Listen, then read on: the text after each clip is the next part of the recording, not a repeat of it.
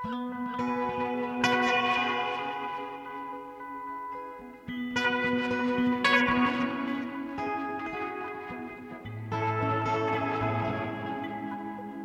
sæl og blessuð, við sjá helsar á þriðju degi, feminísk umritun á ummyndunum Óvits, Kristín Þorkelsdóttir, Guðmunda Andresdóttir og sjónljóð í Viðsjá í dag.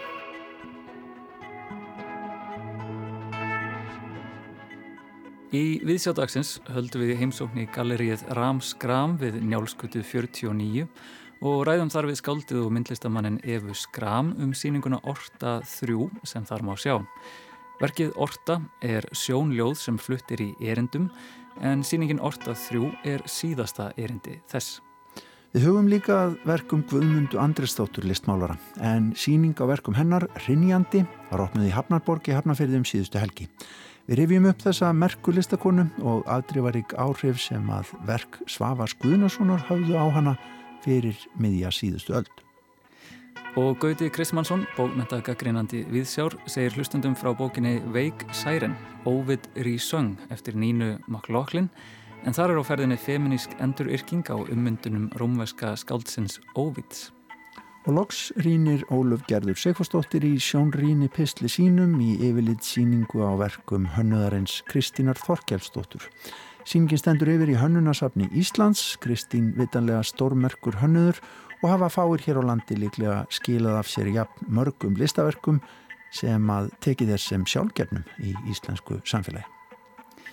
En fyrst rött úr safni Ríkisútvarpsins. Ég er mikið fyrir reyfingu í myndum.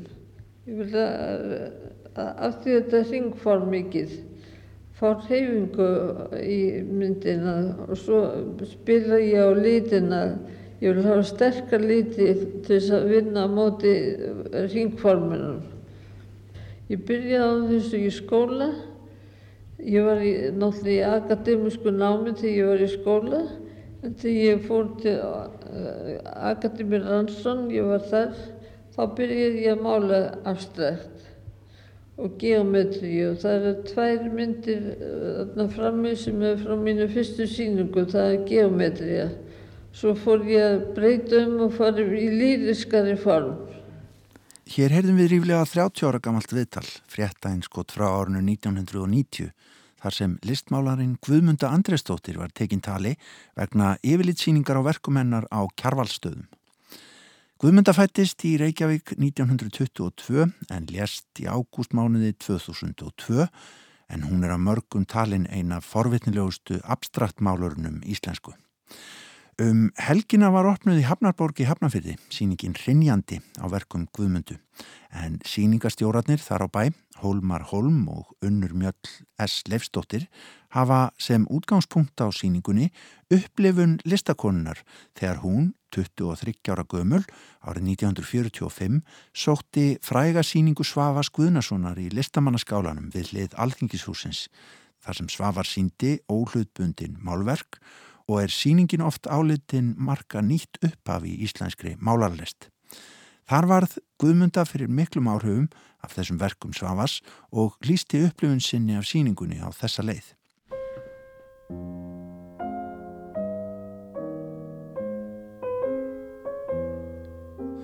Ég hreinlega rugglaðist þegar ég sá þá síningu og þá fór ég að hugsa um að byrja að mála. Það var eins og róttök. Já, þetta var geysilega fín síning og ég fór aftur og aftur.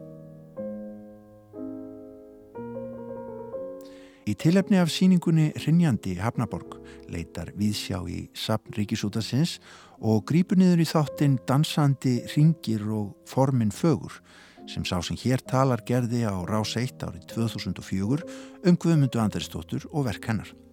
Lesari í þættinum var Halla Margret Jóhannesdóttir en rödd umsjónumannsins er vissulega einum 17 árum yngri.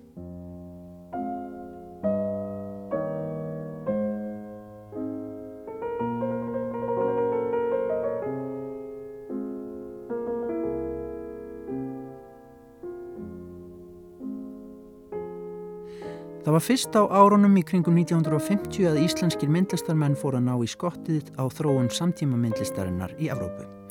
Listamenn af kynslu og guðmundum voru í nánari tengslum við það sem nýjast var á döfunni í evróskri myndlist en eldri íslenskir félagar þeirra. Upplifun sinni af því að koma til Parísar lísti guðmunda á þessa leið. En það var ákaflega undarleg reynsla að komast fyrst í snertingu við París og lífið þar. Einlega alveg yfirþyrmandi fyrst í stað. Það var svo margt að skoða, síningar á hverju strái. Ég man sérstaklega eftir einni stórri yfirlitsíningu í nútímasafninu. Ekki fyrir það að ég væri svo hrifin af öllu því sem þar var að sjá. Ég var svo alveg óvön öllum þessum nýjungum og óskup fáfróð.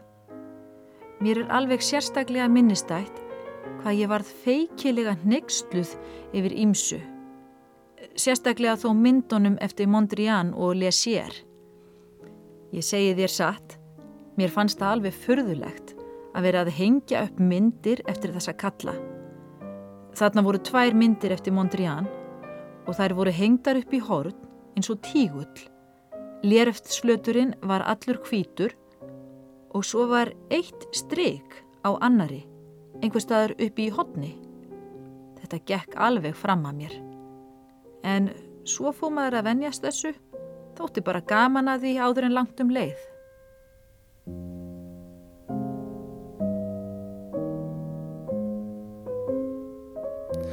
Guðmunda nýtti tækifærið á meðan á Parísardvöl hennar stóð og ferðaðist vítt og breytt um Evrópu til að skoða myndlist. Uffizi-safnið í Flórens var heimsótt og heilsað upp á Van Gogh í Hollandi.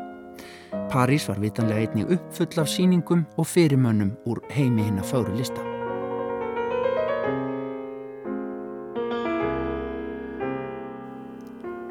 Ég vissi ekki fyrir en einhver rakst á mig og ég leitt við og það var þá sjálfur Picasso, lítill, ákaflega snaggaralegur og gustmikill livlegur og sópaði mikið að honum. Hann var mjög ólíkur Brakk, öðrum mesta málara kúbismans. Brakk bjóð þar skamt frá sem ég var til húsa og ég sá hann okkrum sinnum. Afar stór maður og rólegur. Mér þykir hann ekki síður merkilegur málari. Að sjá og upplifa var málið fyrir misvel silda íslenska listamenn í París um 1950.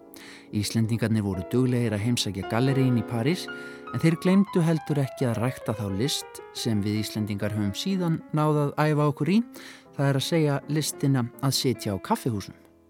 Í viðtali við Jórunni Sigurðardóttur árið 1990 reyfiaði Guðmunda kaffihúsaferðir Íslendingana í borginni.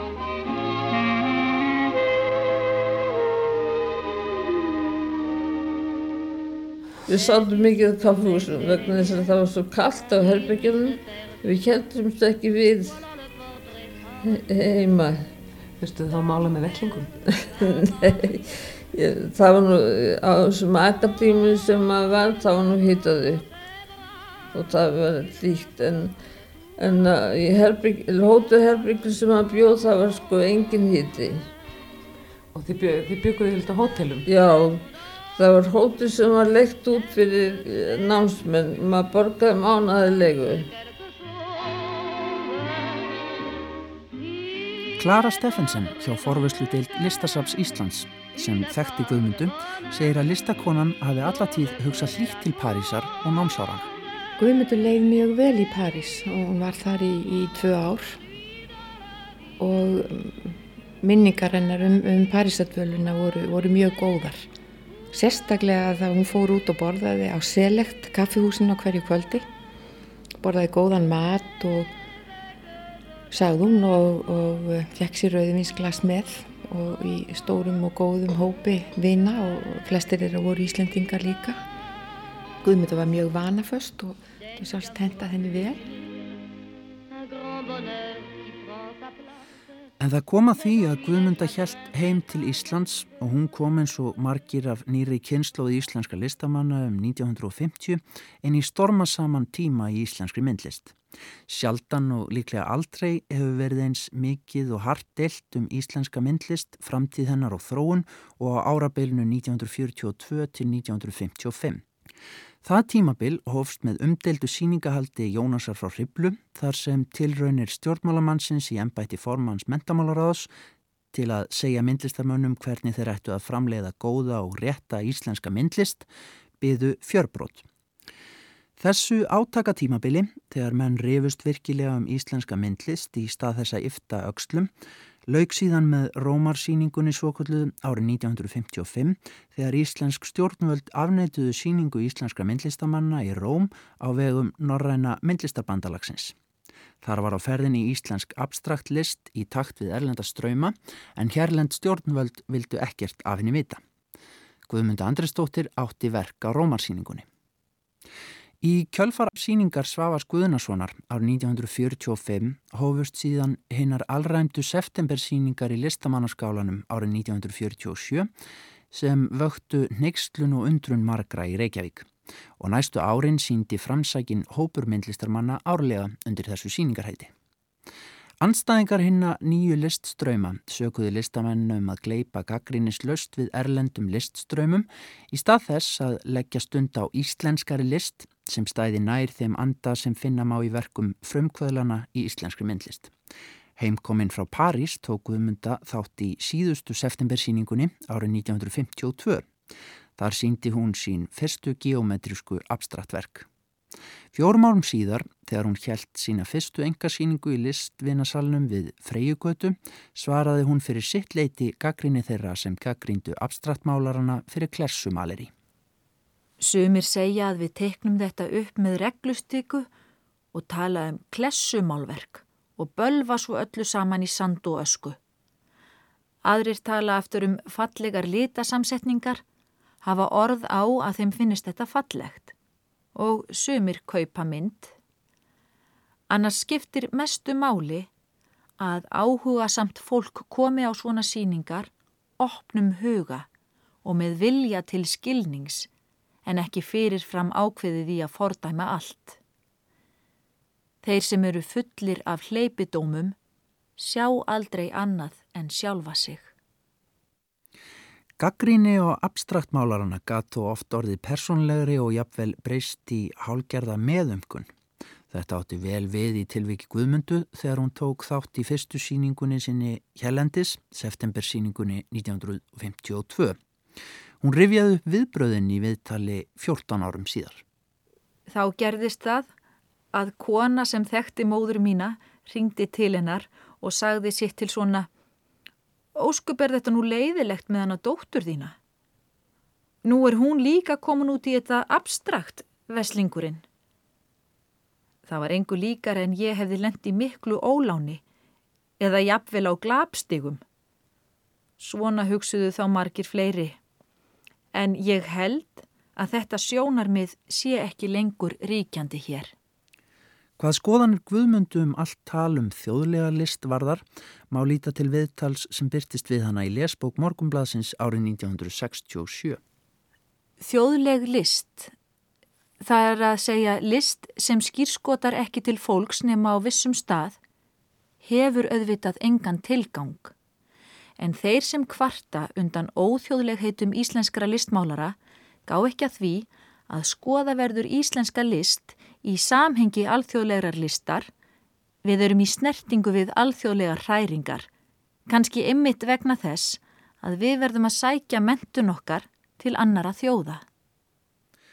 Eins og áður sagði voru fyrstu verk Guðmundu Andrestóttur eftir heimkomuna geometrísk abstraktverk, strángflatarmálverk þar sem reynum litum var skipað niður á full beistluð og afmörkuð form Og það var í þessum anda sem verkin á fyrstu engasýningu hennar voru árið 1956. Valtýr Pétursson, félagi Guðmundu í abstraktlistinni og gaggrinandi Morgumblasins, stóð nærið því á öndinni af hrifningu yfir þeirri síningu, taldi það sjálfgæft að sjá svo gallalösa engasýningu hjá listamanni í fyrstu tilraun. Það var síðan í upphafi sjönda áratöðurins á annari engasýningu Guðmundu sem hún setti upp í bógasal þjóðminnansapsins sem verk hennar mýktust nokkuð upp og fjarlæðust að einhver leiti strángleika geometríunar. Dagni Heiðdal, listfræðingur og listasafni Íslands, segir að um þetta leiti hafi verkviðmundu orðið ljóðrætni og þá breytingu megi meðal hann að sjá í ljóðrætni heitum myndana sem áttu oftar en ekki skýrskotun í náttúruna. Byrtan varð á þessum tíma aðal viðfangsefni Guðmundu en hana reyndi listakonan að fanga á stregan. Dagni Heiðdal segir Guðmundu hafa þróað nýjungar í listsinni með teikningum og vasslítamyndum áður en að hún færði þær yfir á strygan með ólíulitunum. Ef maður skoður eins og teikningar, hún gerði mikið af, af teikningum og vasslítamyndum og vann það alltaf jafnliða ólíumálverkinu og síndi líka á síni, enga síningunum hennar, þá síndi hún líka þessa vasslítamyndir, alltaf nokkra með. Og maður sér í þessum teikningum og vasslítamyndum hvernig hún er að prófa sig áfram svolítið með nýtt stef sem hún tekur svo upp setna og, og það er það sem er svo ábyrgandi með Guðmundi og hún er, er alltaf vin, vinnur í svona serjum og tekur e, eina hugmynd og vinnur úr henni á, á lengri tíma. Og það sem við kallum stef, hún er að rannsaka sama, sama fyrirbriði aftur og aftur og aftur. Og og það sér maður kannski að fyrstu tilrauninnar eða fyrsta rannsóknin fer fram í þessum tekningum og, og vassleitamindum. Svona mjög gaman að sjá þær með oljumálverkonum. Með reglulegu millibili tók list Guðmundu Andristóttur nýja stefnu. Þá komu inn nýjar lita áherslur eða ný áherslu form. Í lok sjönda áratugurins leitaði hún sterkara forms og afmarkaðara til að vinna með. Á haustsýningu félags íslenskra myndlistamenn árið 1969 í yðinskólanum síndi Guðmunda þrjúverk þar sem hún nýtti ringformið í óljumálverkinu. Ringurinn átti eftir að vera hennar leiðarstef og rannsóknar viðfang næstu árin. Ringjamindir voru til dæmis uppistaðan í engasýningu Guðmundu í bógasalunum árið 1972 og það eru án efa tilrunni hennar með ringi, reyfingu þeirra á dýnamík á myndflætinum sem hún er hvað þekktust fyrir. Og, og það er svo merkilegt að hún er búin að fá mjög jákvæða dóma fyrir síningarnar áður en þarna þegar hún sýnir þetta, þetta nýja stef að þá eru gaggrinendur ekki ánæðir. Þá heyrist sko að hún hefði nátt að halda ánfram með það sem hún var að gera. En, en Guðmynda hún hugsaður ekki þannig. Hún er oft, eða mér virðist það að hún, hún, hún kannar einhver stef og sýnir það og svo fer hún eitthvað annað og byrjar upp á nýtt að, að, og heldur áfram eitthvað annað leiðastef. Nei, mér langaði að fást við ringformin, það hefur svo mikla möguleika og ég fór út í það. Ég þurfti að skipta um, um form. Nú hafa þessi tímabil forms hjá þér umtekið yfir nokkuð langan tíma. Já gerist það þá mjög skyndilega að þú finnur að þú þarf nú að skipta um form? Nei, ég fyrir að það kemur yfir mig svona einhver deyð og ég missi áhuga og þá þarf ég sko finn ég það að ég þarf að fara að mig á einhverju nýju.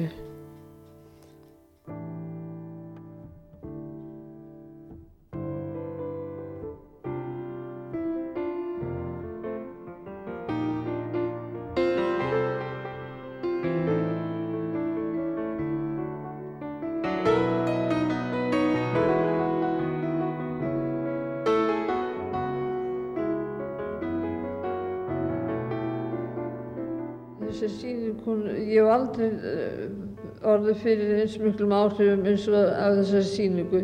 Ég var ekkert byrjað að mála, ég vissi ég gæti teiknað, en ég var ekkert fann að mála. Og þegar ég uh, kom að þessari síningu þá kipti ég með krítaliti og byrjaði að krýta myndir svona upp. Svo fór ég út haustið eftir til málumynda þá sagðist ég ætla að læra auðlýsantekningu en það var bara fyrir slottur. En hvernig var abstraktlistinni tekið þegar hún kom hér fram á sjötta áratugnum?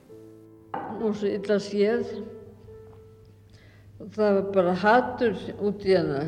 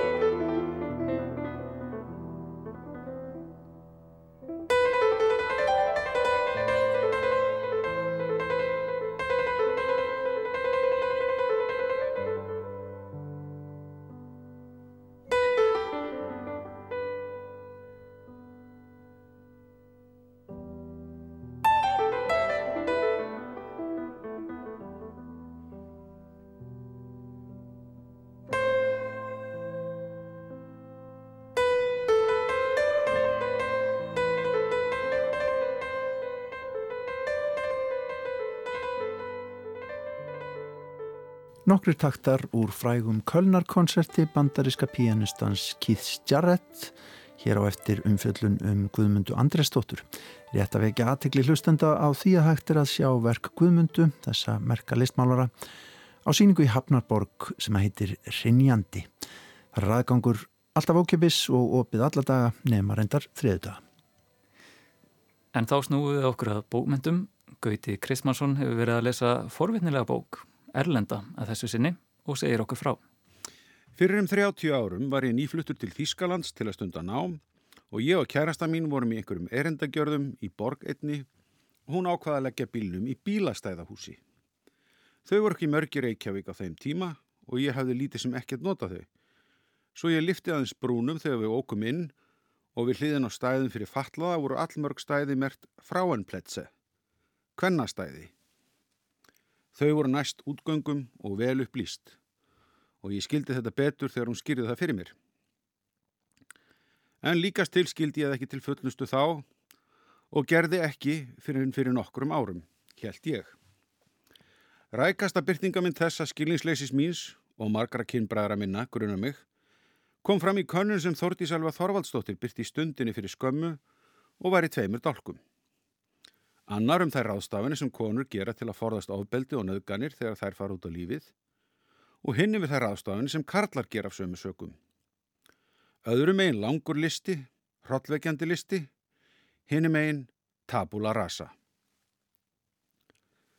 Það kviknaði öðru slíku skilningsljósi hjá mér þegar ég las bókina sem hér er undir, Wake Siren, Ovid Resung, eða Vaknaðu sírena, Ovid Endursungin. Rittöfundurinn og bladamæðurinn Nina McLaughlin tekur sér fyrir hendur í þessari bók að endurita ummyndanir Ovids, klassíst 2000 ára kvæði sem hefur verið miðlagt í vestrætni menningu mest allan þann tíma. Upprunlegt kvæði Ovids er á 12.000 línur og fjallar um ummyndanir manna og guða fornaldar og er eitt mest í fjársjöður góðsagna sem til er. Enda hefur þetta kvæði verið þýtt á heimsmálinn oft og mörgum sinnum Það var til að mynda með fyrstu bókum sem byrtist í enskri þýðingu úr prentsmiði Williams Caxtons árið 1480. Heildarþýðing Kristjáns Átnasonar á íslensku kom hins vegar ekki fyrir nárið 2009 og er magnað verk að lesa eins og ég reynda að lýsa í rittómi hér í Vísjá það sama ár. Verki snýst um góðsugur Grekja og Rómverja eða er nokkus konar þýðing eða endurritun á góðsugum hérna fyrirnemdu á latínu. Góðsögur fjallaðum forsögulega hluti og mikið um samskipti guða og manna, tilurð og jafnvel endalokk heimsins. Þær koma upprunlegu munlegri arfleifð og bera sterk einkenni marg endursagðara sagna. Það fengi góðgá að ungur kvennhöfundunni sem að glaflinn taki sér fyrir hendur að endurita óvít einu sinni enn, en það hafa þau mörg gert hinga til. Það sem vekur eftirtækt er hvernig hún hreinlega ummyndar þennan fortfræga teksta með skáldlegum tökum og einni mjög mikilvægri breyting á sjónarhóttni. Hún vakti líka eftirtækt mína á því um hvað sögurnar fjalla í raun og veru. Óbeldi og nöðganir í röðum. 2009 las ég þessa góðsögur sem skemmti sögur um yfirskilvilliðar verur. Þótt raunar væri ábeldið fullkomlega skýrt í tekstanum. En þegar McLaughlin breytir sjónarhóttni þriðju personu í frumtekstanum Í fyrstu personu kvennana sem umræðir hverju sinni blasir við allt önnur mynd. Hrigalegt ofbeldi sem er greinlega kerfisbundið og það sem meira er, það er ekki lengur hægt að horfa fram hjá menningarlögum raunveruleika þess.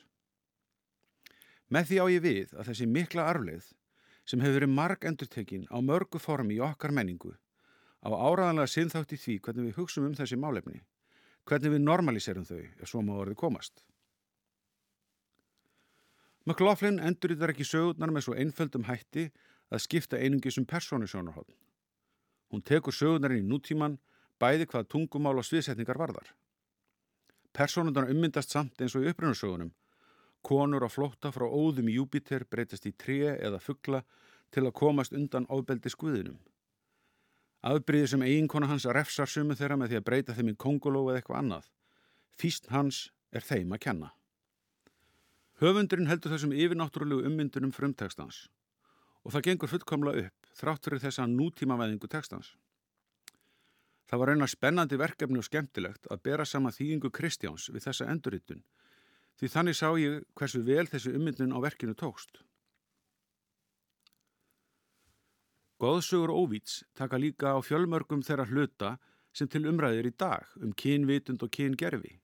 Tiresias sem hefði bæði verið kon og kall er spurður að guðahjónunum Júpiter og Júnó hvort kynið njóti kynlífs betur og svarar þetta rámt með þeim afleiðingum að hann er blindaður en fær samt hæfilegan til að vera forspár í sárabætur. Salmakis og Hermafrótitus renna saman í eina tvíkinni að veru og þar fram eftir göttunum. En megin þemað er samt físn karla og einhverjum guða eftir kynlífi og ummyndun er oft eina undankomuleið kvannana. Meirað segja eru kaplar um sifjaspell, svo að allt sem hefur verið umræði undanfærina ára og áratuga hafði verið orðað fyrir löngu með einhverjum hætti í minst 2000 ára góðsugum. En ummyndunin er kannski góðsöguleg skýring á því áfall sem kynferðisofabeldi veldur og breytingunni sem verður á fornalömpunum. Ég var djúft snortin á sögunum Sýrings sem satirinn Pan reynda komast yfir og þegar hún komst ekki lengra breyta sýstur hennar vatnadísinnar henni í reyr. Reyrstangir sem Pan slítur upp og vefur saman í flautuna sem nafn hans er kent við og endurvarpar sársöka dísarinnar í hverjum tóni. Sagan um Medúsu er sérstaklega átakanleg. Hún þessi gorgóna, konan með slönguhárið, hverjar augnaráð breytti mannum í stein og persefur afhafðaði svo heitjulega. McLaughlin tekur í þessari frásögn vel fyrir hversu miklu máli skiptir, hver segir söguna og hvernig. Ég man eftir Medúsu frá badnæsku, átti bókum hetjut á persefs með myndum af honum, tígulegum með höfuð ófreskunar í hendinni óhugnanlega kvennmynda sönnu. Óvít eigðir mestu púðri í sínum teksta á hetjútað Persefs og einum stað er Persefur sjálfur að gorta af henni við gestnokkun sem bendir honum kurtislega á að Medusa hefði verið, tilvittnun hefst, hinn fríðasta sínum og eftirsoknar verði í augum margra byðla. Og ég held áfram, konungur sjávardjúpsins Neptunus hefði flekað hana í hofi Mínervu. Tilvittnun líkur. Giðjan vildi hefna fyrir þessi helgispjöll og breytti fögru háru metúsu í slöngur. Fornarlampinu var sem sagt refsað fyrir eigin nögun. McLaughlin snýr frásögninni við með sjónarhorni metúsu sem segir hún hafi alls ekki verið flekuð, heldur nöðgað og hamrar með miklum þrótti á þessu. Þetta er afar kraftmikil frásögn sem hrærir upp í öllu minni mínu um þessa frægu gorgónu sem hefur verið skelvileg personugerfing hins illa kvenkins fyrir kvenhatara um aldir. Loka sagan á undan skáldlegri hugleðingu höfundarins, After Ovid, er svo nýr snúningur á sögunum Orfeif og Evridíku, sem galopna myndin af ofbeldismanninum og listamanninum sem elskaður er af konu. Skemst er frá því að segja að manni fellur allur ketill í eld við lesturinn á þessum endursungnu ummyndunum Óvíts. Maður hjælt að maður vissi svo vel og skildi allt en fær hreinlega yfir sig ískalda vaskusu eins og maður hafi verið í róti og líkast til er það há rétt. Saði Gauti Krismansson um bókina Wake Siren, Ovid Resong eftir Nínu McLaughlin þar sem að ummyndanir Rómverjans Ovids eru endur skapaðar. En úr bókmyndunum förum við yfir í sjónmenningu og ríni á henni. Ólöf Gerður Sigfúsdóttir fór á merkilega síningu í Garðabæ. Í Hönnarsafni Íslands stendur nú yfir forvitnileg yfirlitsýning á verkum eins afkastamikla og merkasta hönnuðarlandsins Kristínar Þorkelsdóttur. Nafn hennar er eftir vill ekki á allra vörum en höfundaverk hennar leynist víðar en margan grunar. Kristín hefur á löngum og farsælum ferli sínum hannað verk sem eru orðin svo samónvinn hverstaslifi okkar að við tökum ekki lengur eftir þeim. Næst þegar hún notar smjörufan á brauðið skaltu gefa gaumað umbúðunum sem umlikja það og ef þú borgar fyrir smjörið með reyðu fjö skaltu staldra við og horfa á listaverkið sem hver peningaseðil er. Eða þegar kemur að því og þú þurfur að drepa tíman millir fluga, skaltu taka þér stund í að fletta í gegnum vegabrifið þitt því hver síða er uppfull af grafískum smáadriðum sem þú hefur sennilega aldrei veitt aðtekli. Sýningin sem einfallega ber yfirskriftina Kristín Þorkelsdóttir gerir ferli Kristínar góðskil og gefur helstætt yfirlit yfir verk hennar og vinnuferðli.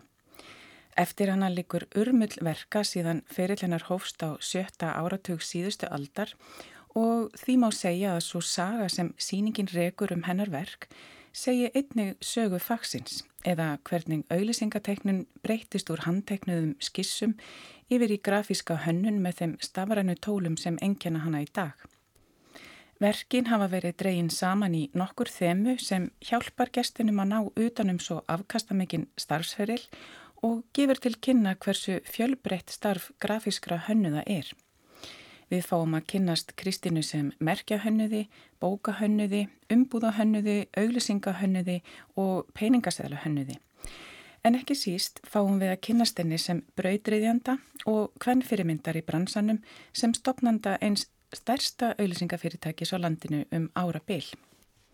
Þegar inn í síningasælin á efri hæð hönunasapsins er komið, heyrum við ómin af gömlu þykvabæra auðlýsingunni, snakkinu sem allir eldri en færtugir kannast sennilega við og svo taka við mismunandi síningastöðar með ólíkum þemum sem þræða sig inn alllaga salin. Sýningastjórnir þrýr, þau Birna Gerfinsdóttir, dósent í grafískri hönnun við Listaháskóla Íslands og annar eigandi hönnunastofunar Studio Studio, Bryndís Björgvinsdóttir, þjóðfræðingur og fagstjóri fræða við hönnunadeild Listaháskóla Íslands og Arnar Freyr Guðmundsson, grafískur hönnur og hinn eigandi hönnunastofunar Studio Studio, hafa hér unnið mikla rannsóknarvinnu við undirbúningssýningarinnar sem endur speglast vel í uppsetningunni. Hvert þema er dreyið saman með hnitmiðum og upplýsandi texta á veggjum og hver síningastöð hefur sinn afgerandi lit sem gefur þeimennum svipsterka og enginandi umgjörð þannig að gesturinn áttar sig alltaf vel á því hvað hann er að horfa á í hvaða kapitula hann er stattur. Þannig rekum aðeins í gegnum síninguna milli síningaborða á gólfi og texta á veggjum, augun ferðast að milli tvíviðra verka og þrýviðra og maður fær tilfinningu fyrir því hvernig abstrakt hugmynd verður að teikningu, sem verður að grafísku verki, sem verður að þrýviðum prentgrip, sem verður svo hér að síningagrip og vonandi sapneignargrip í varðeslu hennunasapsins að síningu lokinni. Sýningastjórunum tekst vel að afhjúpa sköpunaferðlið að baki verkana með því að setja fram skissur, tilraunir og pröfur sem margar hverjur eru með handskrift og glósum Kristínar á sem aftur veitir insýn í persónulega nálgun hennar til stalfsins. Áhugavert er að staldra við merkjaveggin þar sem lesa má um hugmyndafræðina sem liggur að baki kunnulegra merkja eins og mjólkursamsölunar, vegagerðarinnar, bíkó og ímissa annara fyrirtækja eða stofnuna. Þá er sérstaklega skemmtilegt að staldra við peningastæðlaborðið þar sem tilfinningin er fremur að vera stött á kvikmyndasetti en hönnunastofi. Augljóst er að Kristín og samstarfsfélagi hennar í hönnun íslensku peningastæðlaraðarinnar Stephen Fairbairn hafa ekki dáið ráðulegs framið fyrir því að þurfa að teikna fólk úr fortíðinni sem engin veit hvernig leit út. Þarna eru margar forvitnilegar skissur sem hafa verið fengnar að láni frá Sæðlabanka Íslands sem sína glögt hvernig svo fáu listaverk eins og hverstaslegir peningasælar verða til og hvernig þeir eru framleitir. Þá er það veltilfundið hjá síningastjórunum að setja upp tvö myndlistaverk eftir Kristínu sitt í kórum endasíningarinnar til að minna á að ferillennar hóst í myndlistinni og hvernig myndlistarhugsun hennar litaði verk hennar allan hennar starfsferil. Útgafa er vantanlegi tengslum við síninguna þar sem rannsóknum síningastjóruna á framlagi Kristínar verða gerð skil. Það er miður að ekki hafi tekist að gefa út bókina nú við opnun síningarinnar en útgáfan mun standa eftir sem varanleg heimildum höfundaverk Kristínar því þegar síningin sjálf veru tekið nýður munu verkin aftur tvístrast þegar þeim veru skila til sína eigenda. Þá mun einnig samengið sem síningarstjórnir hafa búið síningunni og svo leið sem þau hafa valið að reykja sig eftir í höfundaverki hönnuðurins hverfa þegar síningunni líkur í upphafi næsta árs.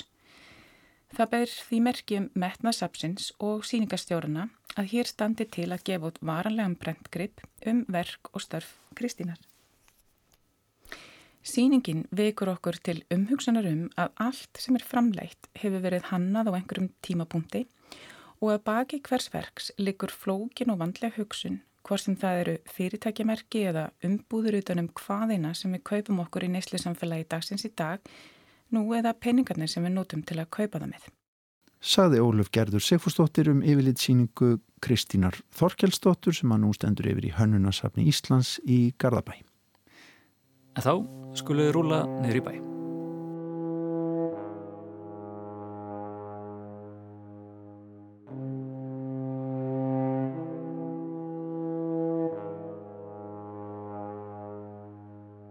Síðastliðin laugadag þann 12. júni opnaði síning skáldsins og myndlistamannsins Evu Skram í galleríinu Ram Skram á Njálskötu 49 sem ber nafnið Orta 3. Orta er sjónljóð sem flutt er í erindum. Fyrsta erindi þess var flutt í ljósmyndasafni Reykjavíkur núna í januar. Annað erindið var flutt á engasýningu Evu í Nullinu galleríi undir bankastræti í februar. En þriðja og jáfnframt síðasta erindi sjónljóðsins Ortu, Orta 3, opnaði í Ramskram núna á lögadaginn var. Í verkinu dvelur Eva Skram á mörgum ljóðlistar og myndlistar hún segir personulega sögu án þess þó að styðja sig við línulega frásögn. Viðfangsefnið er að stórum hluta samband hennar við föður sinn sem er að hverfa inn í eigin huga og hveður lífið sem hann áður þekkti og skildi. Ég náðist upp til tali af Evu í galleríunu Ram Skram.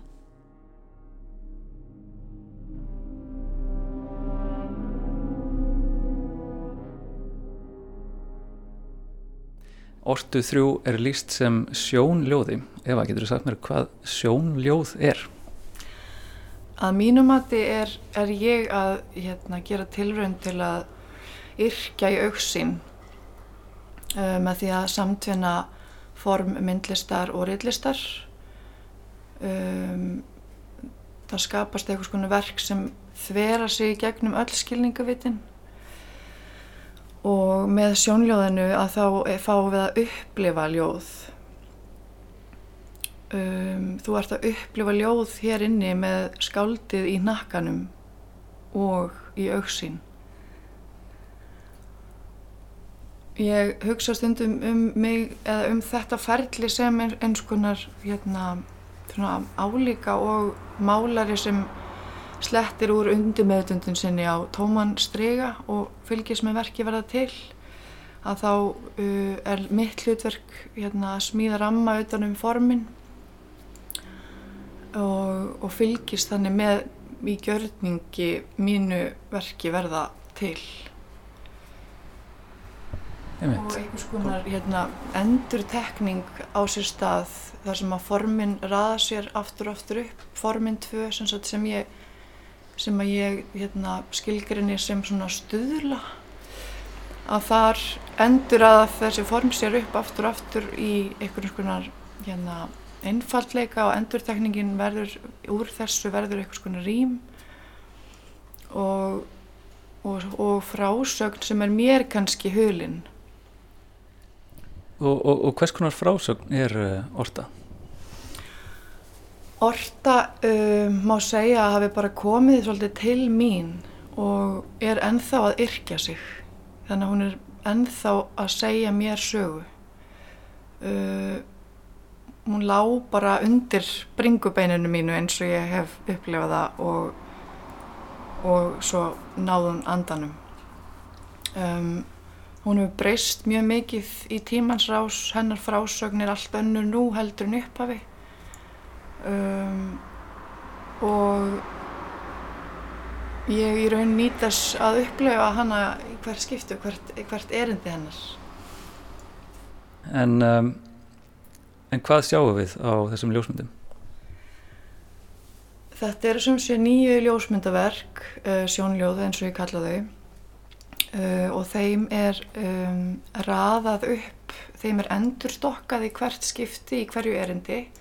Þannig að ný röðun fæst og ný frásögn fyrir þá sem að uh, kjósa að, að upplifa verkið sem narratífu eða frásögn að þá uh, verður sérst til ný saga í hver skipti.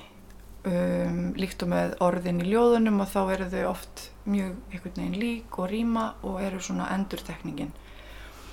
Og uh, sumir leita í strax í narratífuna en á meðan aðrir lesa hvert verk sem stakt ljóð.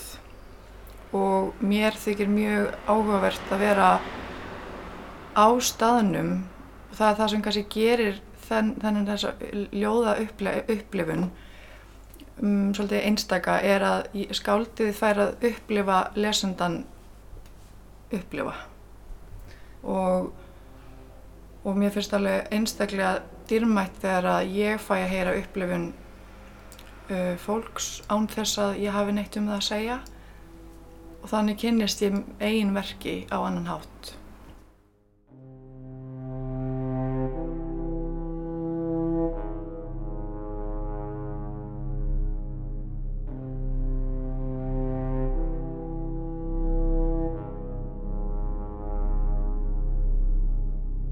Skrifar þú ljóð sjálf? Ég, hérna, ég er semst alin upp með skáldum og hérna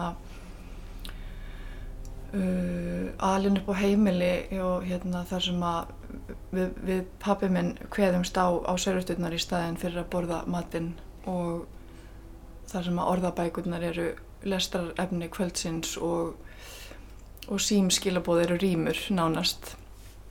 Þannig að ég hef alltaf skrifað frá barsaldri en aðalega onni í skúfuna eða onni í skissubækunar um, sem ég nýti svo sem eldi við inn í mína myndsköpun.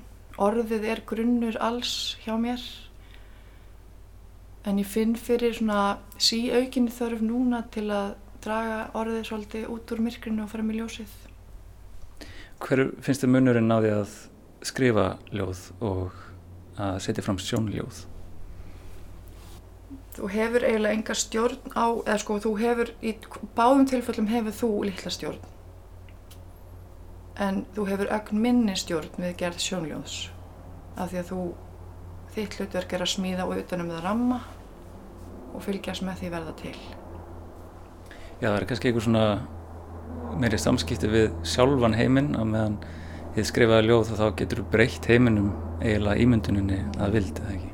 Jú og að samaskapi þá er þér hulin upplifun lesandans. Ég veit. En uh, hvers vegna er orta í svartkvítum? Sko, ég í fyrsta lagi sé svartkvít og mér þykja litir gjarnan tröfla ræðu verka, ef svo má segja. Formið skiptir meira máli fyrir mér heldur en litirnir og í þessu verki, ortu, þar mætast nánd og fjarlægð um, og við tilerum engu tímarúmi.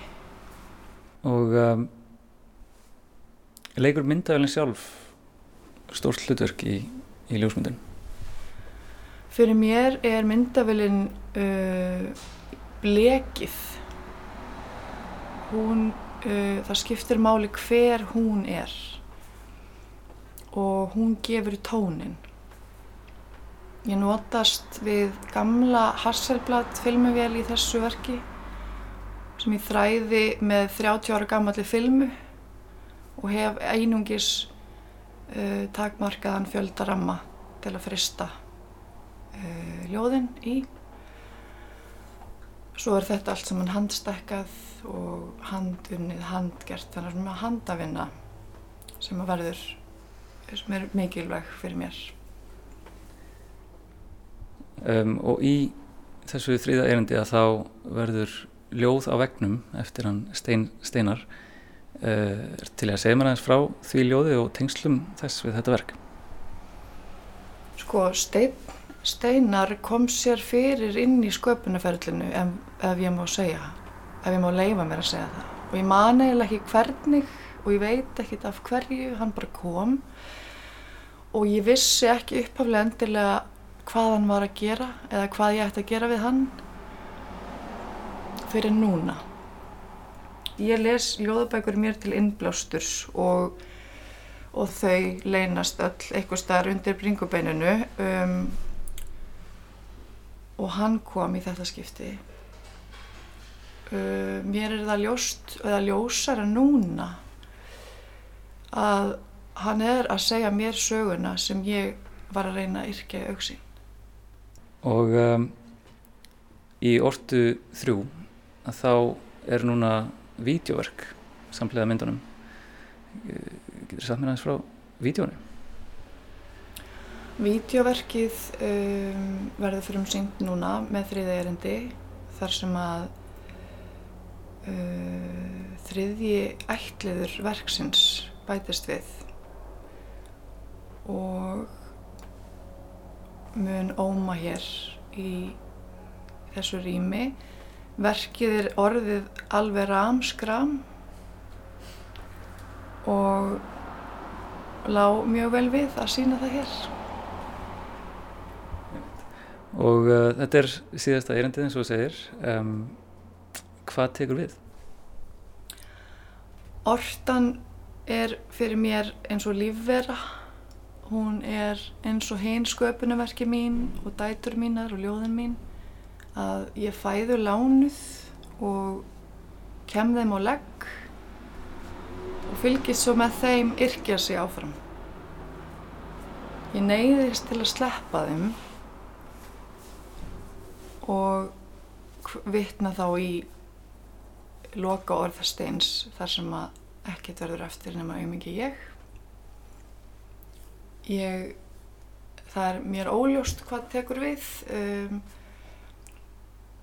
sko það sem gerist núna er ég sleppi takin á ortu uh, um stund og fylgist með henni dafna og vaksa á meðan þá uh, vinn ég að því að opna vinnustofu, við erum að vin, opna vinnustofu saman um, átta ljósmyndarar.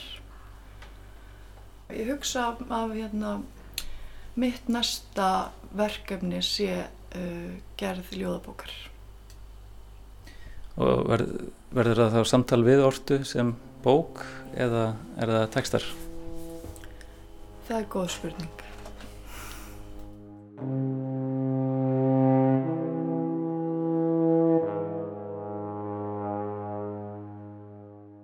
Er ljósmynd minning? Já eða mögulega gisk á það sem var.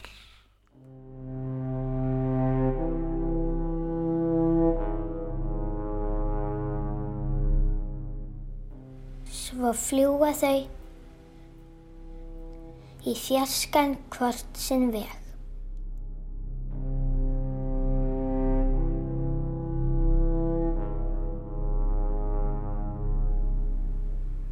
Og ekkert verður eftir nema auðmingja ég.